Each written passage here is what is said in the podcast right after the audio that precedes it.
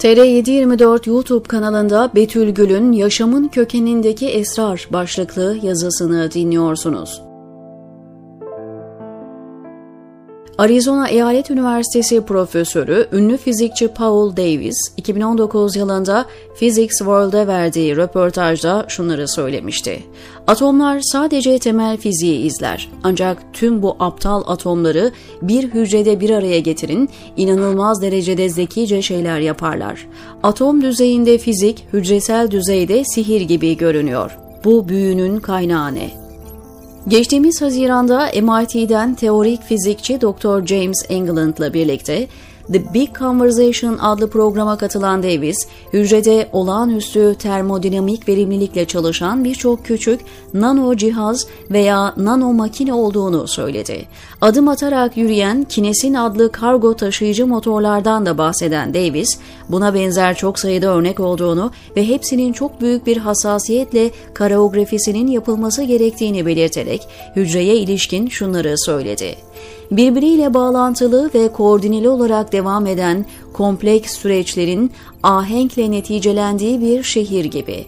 Gerçekten olağanüstü görünüyor.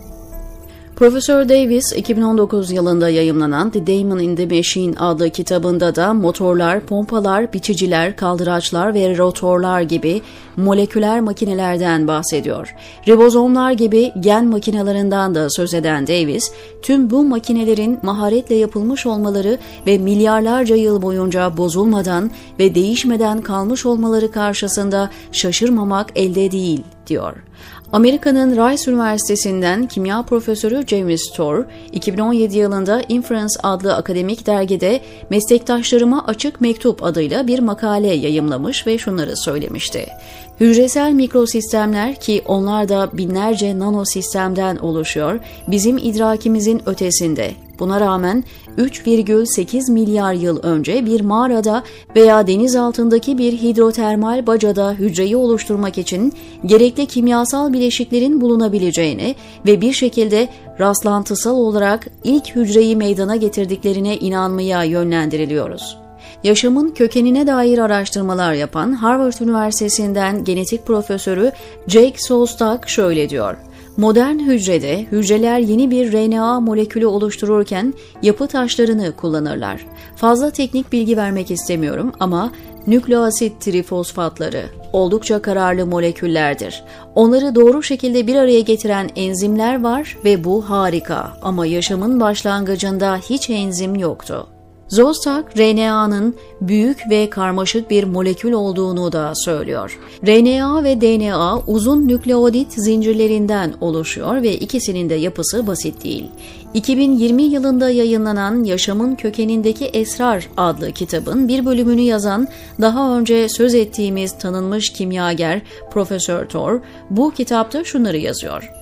Kompleks moleküler yapıları oluşturmak için sıcaklık, basınç, çözücü, ışık, pH ve atmosferik gaz parametreleri dikkatli bir şekilde kontrol edilmeli. Özellikle ultraviyole ışık organik bileşikleri yüksek oranda bozar. 2018 yılında dünyanın en prestijli akademik dergilerinden Nature'da ilginç bir makale yayımlandı. Makalede suyun canlılar için gerekli olduğu fakat proteinlerin DNA'nın ve RNA'nın suyun içinde parçalanacağı belirtiliyordu. Bu duruma su paradoksu adı veriliyor. RNA ve proteinler suda DNA'dan daha hızlı parçalanıyor. Peki hücrelerin içi suyla dolu değil mi? Minnesota Üniversitesi'nden biyolog Profesör Kate Edimela bize stoplazmanın yalnızca her şeyi tutan bir torba olduğu ve her şeyin etrafta yüzdüğü öğretildi. Bu doğru değil diyor ve sözlerinin devamında her şeyin bir su torbasında değil bir jel içinde tutulduğunu dile getiriyor. Böylece hücre içinde suyun serbest hareketi sınırlandırılıyor. Hücrenin içindeki solüsyonun yaklaşık %80'inin sudan oluştuğu belirtiliyor. Şunu da belirtelim. Tüm hücreler çift katmanlı lipid moleküllerinden oluşan bir zarla sarılı. Bu zar RNA ve DNA da dahil hücrelerin içeriğini koruyor. Hücre zarında pompalar ve belirli sinyallere göre açılıp kapanan kapıları olan kanallar da var. Bu şekilde iyonların hücre içine giriş çıkışı düzenleniyor. Bu aşamada bir hatırlatma yapalım ve makine gibi faaliyet gösteren ve hücre işlevlerinin çoğunu yerine getiren proteinlerin üretim sürecinden kısaca söz edelim. Önce DNA'daki kodların bir çeşit kopyası çıkarılıyor. Haberci RNA kopyayı hücre çekirdeğinden çıkarıyor ve protein fabrikası olan ribozoma giriyor. Taşıyıcı RNA'larda proteinlerin yapı taşları olan amino asitleri ribozoma getiriyor. Her biri taşıdığı amino asidin karşılığı olan şifreye geçici olarak bağlanıyor, arka arkaya eklenen amino asitlerden zincir oluşturuluyor. Amino asitlerin değişik kombinasyon ve sayılarda kullanıldığı zincirler üç boyutlu yapılara bürünüyor. Dizilişleri proteinlerin şekillerini ve işlevlerini belirliyor. Yaşamın başlangıcında bu protein üretim sistemi olmadan da amino asit zincirleri meydana gelmiş olabilir mi? Öyle olsa bile rastgele dizilmiş amino asitler ne işe yarar ki? Üstelik proteinlerin ömürleri sınırlı. Hücrede DNA'daki kodlara göre devamlı yenileri sentezleniyor. Hem rastgele dizilmiş nükleotitler de hiçbir şeyi kodlamaz. RNA ve DNA uzun nükleotit zincirlerinden oluşuyor. Ünlü fizikçi Profesör Davis, New Scientist için kaleme aldığı bir makalesinde şöyle diyordu. Moleküller nasıl kod yazabilir? DNA'daki kodlar adenin, timin, 20 amino asidin her birini tanıyan, anahtarın kilide uyması gibi ve doğru taşıyıcı RNA'ya doğru amino asidi yükleyen 20 tür yardımcı enzim var. 2021'in Mayıs ayında önde gelen akademik dergi Science 125 sorudan oluşan bir kitapçık yayımladı. Sorulardan biri şuydu. Hücrelerin içindeki biyolojik moleküller düzenli ve verimli olarak işlev görecek şekilde nasıl organize ediliyor? Kitapçıktaki açıklamada bilim insanlarının hücrelerin şaşırtıcı derecede uyumlu molekül gruplarıyla dolu olduğunu belirttiği ifade ediliyor. Hücre beslenen, büyüyen, çoğalabilen, yaşayan bir varlık en basiti bile çok sayıda moleküler makinenin uyum içinde çalışmasıyla yaşıyor.